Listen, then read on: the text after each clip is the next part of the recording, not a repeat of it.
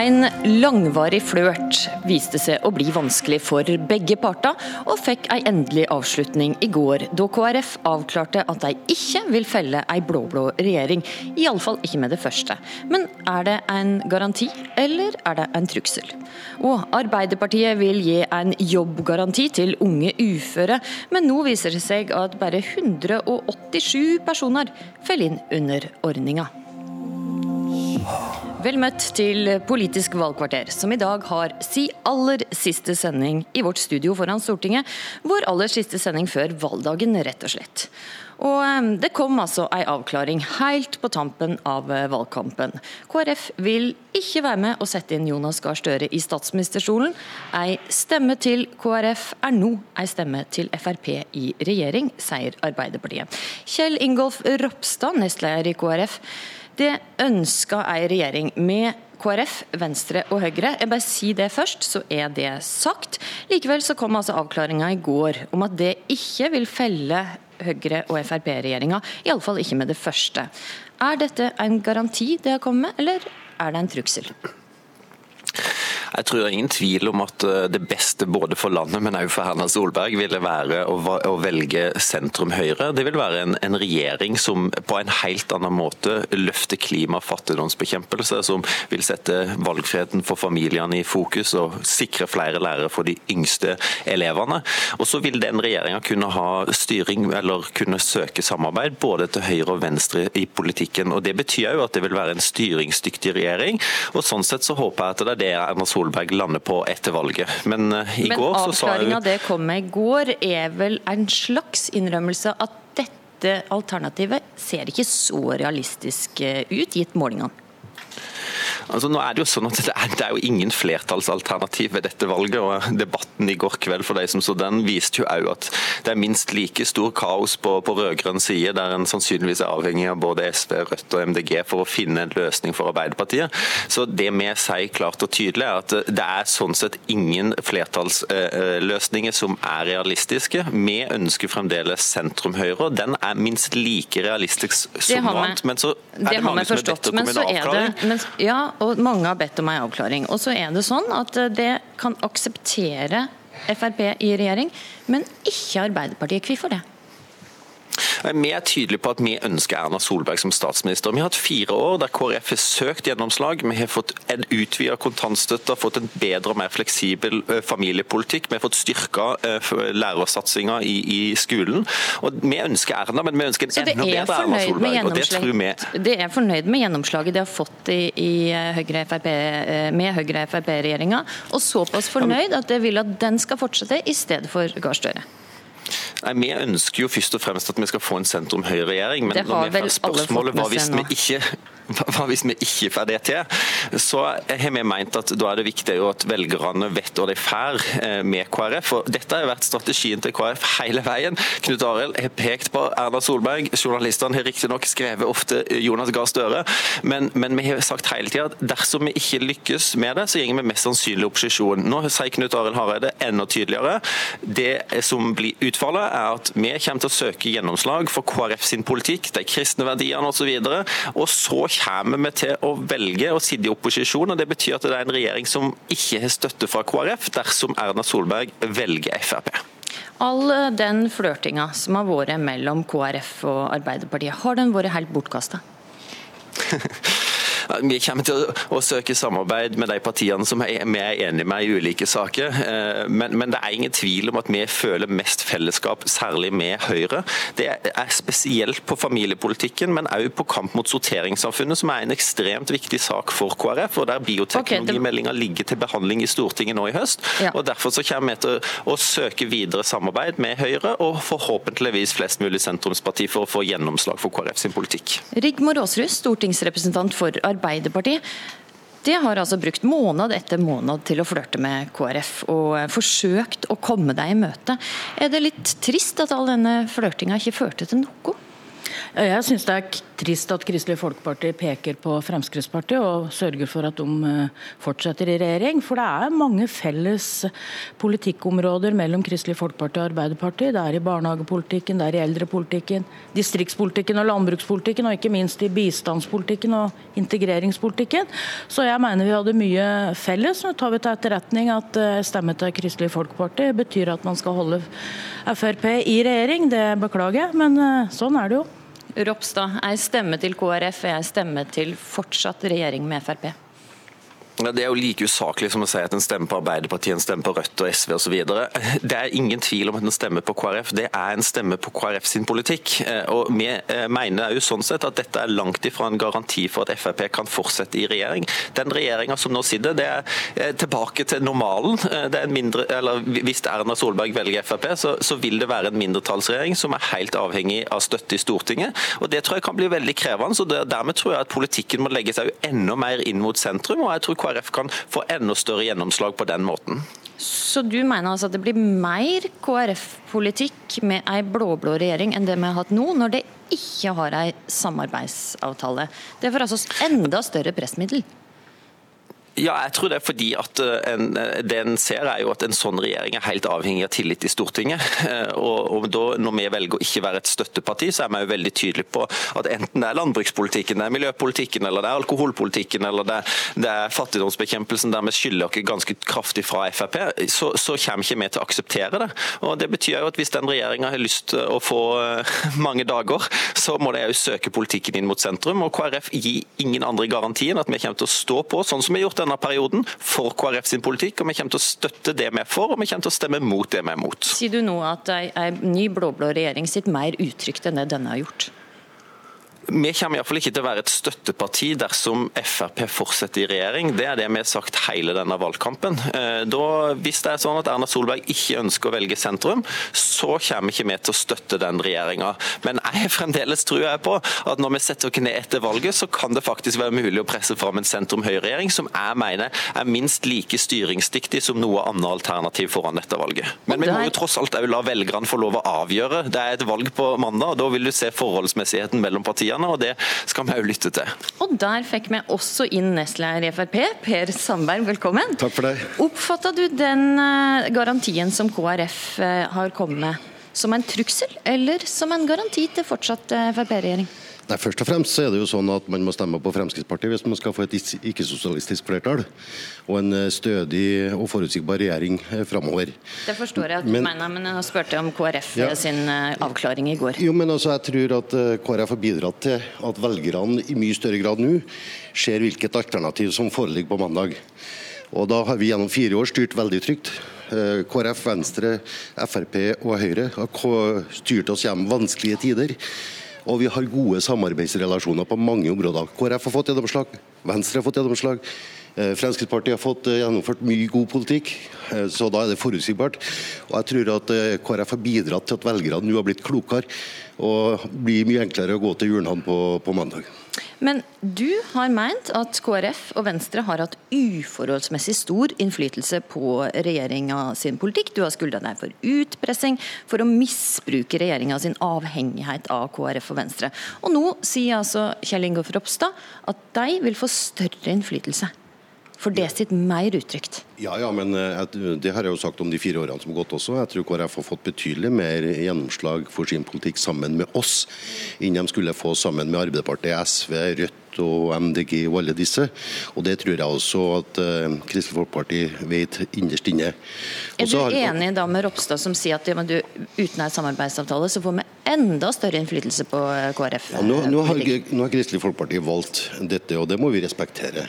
Men så vet jo jeg gjennom disse fire årene og de samarbeidsrelasjonene vi har hatt i de ulike komiteene på Stortinget, så har det vært et godt samarbeid. Jeg sjøl har samarbeidet med Line Henriette i KrF fra næringskomiteen, og det har gått veldig greit. Men eh, det er klart at vi er ulike parti. Ja, det eh, vet alle. Men, det, og, men, så skuldringene dine om altfor stor innflytelse, de har eh, stilna litt deg nå? Jo, jo, men jeg vil ikke. Når du har kommet inn i regjering? Jeg er mer opptatt av å se framover enn å se bakover. Selvfølgelig har det vært turbulent i enkelte situasjoner, men da kan man jo se for seg da det som skal skje med Arbeiderpartiet, SV, Rødt, MDG og alle disse, når de skal sitte og forhandle framover, hvorvidt at det ikke blir noen uenigheter der. Det... Og, så er, og, så er, det jo sånn at eh, Når jeg sier at vi har fått gjennomslag, så har vi jo fått ned sykehuskøen, vi har fått til mer infrastruktur, vi har fått en bedre bistandspolitikk, og alt dette har vi lykkes meget godt med. Eh, og Da tror jeg altså vi greier det uavhengig av at vi kan ha en skriftlig avtale sammen med Kristelig Folkeparti. Den som venta får se. Takk Per Sandberg, takk Kjell Ingolf Ropstad. Rigmor Aase, du blir med oss videre. Arbeiderpartiet har gitt en garanti til unge på gradert uføretrygd. Alle skal få jobb. Kommunene skal få plikt til å skaffe deg arbeid. Men nå viser tall fra Nav at Arbeiderpartiet sitt forslag bare vil omfatte 187 personer, hvis det hadde blitt innført i år. Rigmor Aasrud, du sitter altså i arbeids- og sosialkomiteen for Arbeiderpartiet. Hadde det meint å komme med et forslag som nådde litt flere enn 187? Ja, det, det, forslaget vi har kommet med jo ikke, gjelder jo ikke de 187, for de har en gradert uføretrygd i dag. De er i arbeid, veldig mange av dem. Men det er altså en økning på 5000 uføretrygda under 30 år de siste fire åra. Det er 14 000 uføretrygde under 30 år. 9000 av dem er under 26. Det er helt klart at der er det noen med restarbeidsevne som vi bør kunne få flere som har en gradert uføretrygd og jobb ved siden av. Og i tillegg Men til de... forslaget deres går altså ut på å gi unge født etter 1990 på gradert uføretrygd et tilbud og en garanti om en jobb. Og så viser tallet at det er 187 Nei, stykker. Det er 187 som per i dag har gradert uføretrygd. Men når det er 9000 unge med uføretrygd i dag, under 26 år, pluss 14 000 stykker på arbeidsavklaringspenger, som etter hvert mange vil komme inn mot uføretrygd, så er jo disse vi skal rette innsatsen mot, ikke de som allerede er på gradert uføretrygd. Så Arbeiderpartiets forslag, der det står at eh, dette forslaget skal gjelde for deg som er på gradert uføretrygd, det stemmer ikke helt det som står. Det skal gjelde for deg som er på uføretrygd. Det er sånn at politikk eh, altså Vi endrer jo situasjonen fra år til år. Hvis vi bare skulle ha fokus på dem som det akkurat gjaldt i dag, så ville det jo stemme det du sier. Problemet er jo at det er rent for få som har gradert uføretrygd i dag. Mange flere burde ha det. Jeg nekter å tro at det ikke er noe restarbeidsevne på de 9000 som i dag har uføretrygd. Og det er i alle fall helt sikkert at mange av de som er på arbeidsavklaringspenger, vil ha noe restarbeidsevne. Det er jo de som skal omfattes. Og dette er en del av den reformen vi har overfor unge som faller utafor. Henrik Asheim, stortingsrepresentant for Høyre.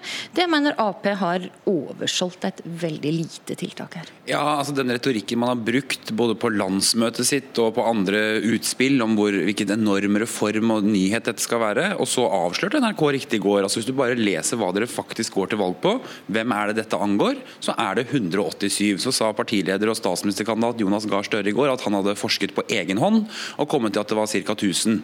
Men sånn kan vi ikke holde på. fordi dette er en gruppe som jeg tror ikke trenger flere tomme garantier fra Arbeiderpartiet. Det har de fått i mange år. Anette Trettebergstuen, som i 2012 da satt i regjering, selv sa at ungdomsgarantien deres var egentlig bare symbolpolitikk.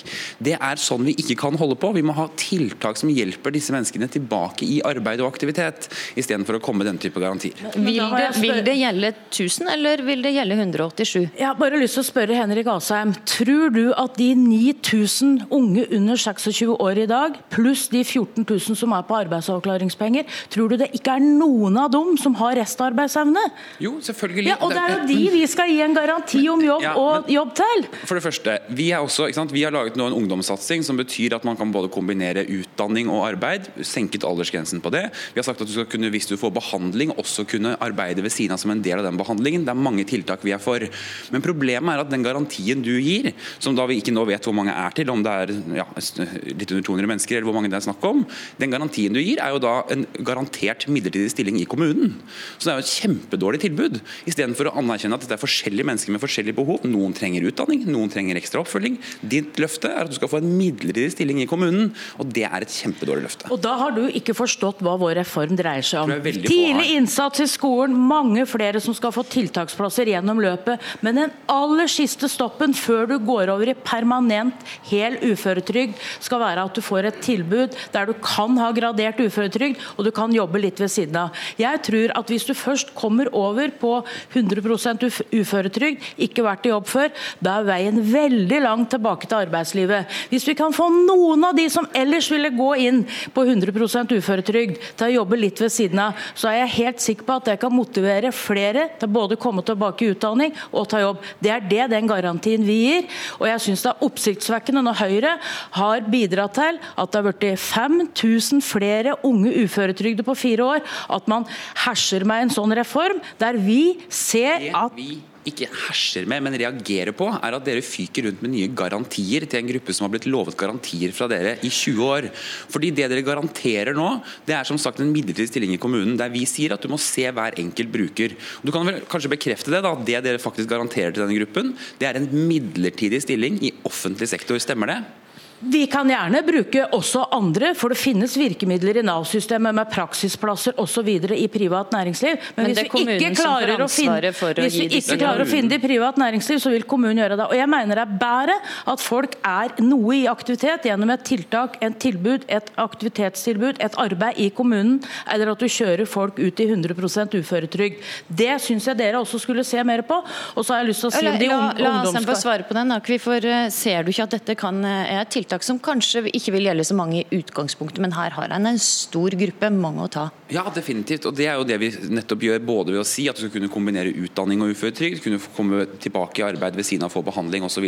Og så bruker vi noe som heter lønnstilskudd, som egentlig betyr at bedriftene da tar en lavere risiko ved å f.eks. deltidsansette deg. Men det er både et tomt, stort løfte som egentlig angår veldig få mennesker, og et veldig dårlig garanti, fordi det betyr en jobb i offentlig sektor som er midlertidig og ikke ens fast stilling. Ok, Henrik Asheim, Rigmor Aasrud, der må jeg avslutte. Takk for at det kom til Politisk kvarter. Det er eh, så jamt, så jamt. Og siden i går ettermiddag så har det ikke kommet mindre enn fire nasjonale målinger. Tre med blått flertall, ei med rød-grønt. Kommentator i NRK Lars Nehru Sand, dette her blir eh, spennende. Absolutt, og det er veldig vanskelig nå å forutse hvem som eh, skal klare å stikke av med seieren også. Det er som du sier, målinger som viser begge deler. Det er åpenbart at borgerlig side har mobilisert veldig i løpet av valgkampen. Men det er også noen statistiske forskjeller, ikke minst i fylkesmålingene og mandatutslag i enkelte fylker, eh, som gjør at det fortsatt bør, bør være håp på rød-grønn side. Ja, for Det er altså bare et par nervepirrende dager igjen av valgkampen. og Det står bare om noen få mandat. Og, og hvor er det de avgjørende slagene står hen nå? Ja, Det er jo rundt omkring i de ulike fylkene. og I de tre store fylkene Oslo, Rogaland og Hordaland så kan de to-tre siste mandatene gå til veldig mange ulike eh, kandidater. Eh, så har vi spennende situasjoner i begge innlandsfylkene, Oppland og Hedmark, men også Sør-Trøndelag og Østfold, hvor kampen om det aller siste distriktsmandatet står mellom Arbeiderpartiet og Fremskrittspartiet. og Det betyr da at uh, vinneren av den uh, duellen vil gi et utslag i om det er rød eller blå blokk som da får mandat fra de eh, fylkene. Eh, og Dermed skiller de seg litt fra sånn som Nordland, hvor kampen ser ut til å stå mellom Arbeiderpartiet og SV, som jo uansett vil, vil gi en eh, rød-grønn eh, uttelling i, i, Nordland. Og Dette er jo noe eh, partiet har regna på og følger nøye med på, regner jeg med. Sender de nå partitoppene til disse avgjørende fylkene? Ja, Det bør de i hvert fall gjøre. fordi det å mobilisere det aller siste mandatet i et fylke kan bety svært mye, ikke minst for, eh, for ja, i blokksammenheng, men også for hvert enkelt parti. Og så har vi jo i tillegg det usikkerhetsmomentet med eh, sperregrenser, hvor virkelig hver, telle, hver stemme teller for, for, de partiene som, eh, som, må komme over dem for å, for å få utjevningsmandater. Og det er jo sånn at De som gjerne taper distriktsmandatet, ligger godt an til å få et utjevningsmandat. Det var en partilederdebatt på TV 2 i går. I kveld er det NRK sin store partilederdebatt i Bergen. Hva er det viktigste å legge vekt på nå, helt innspurt?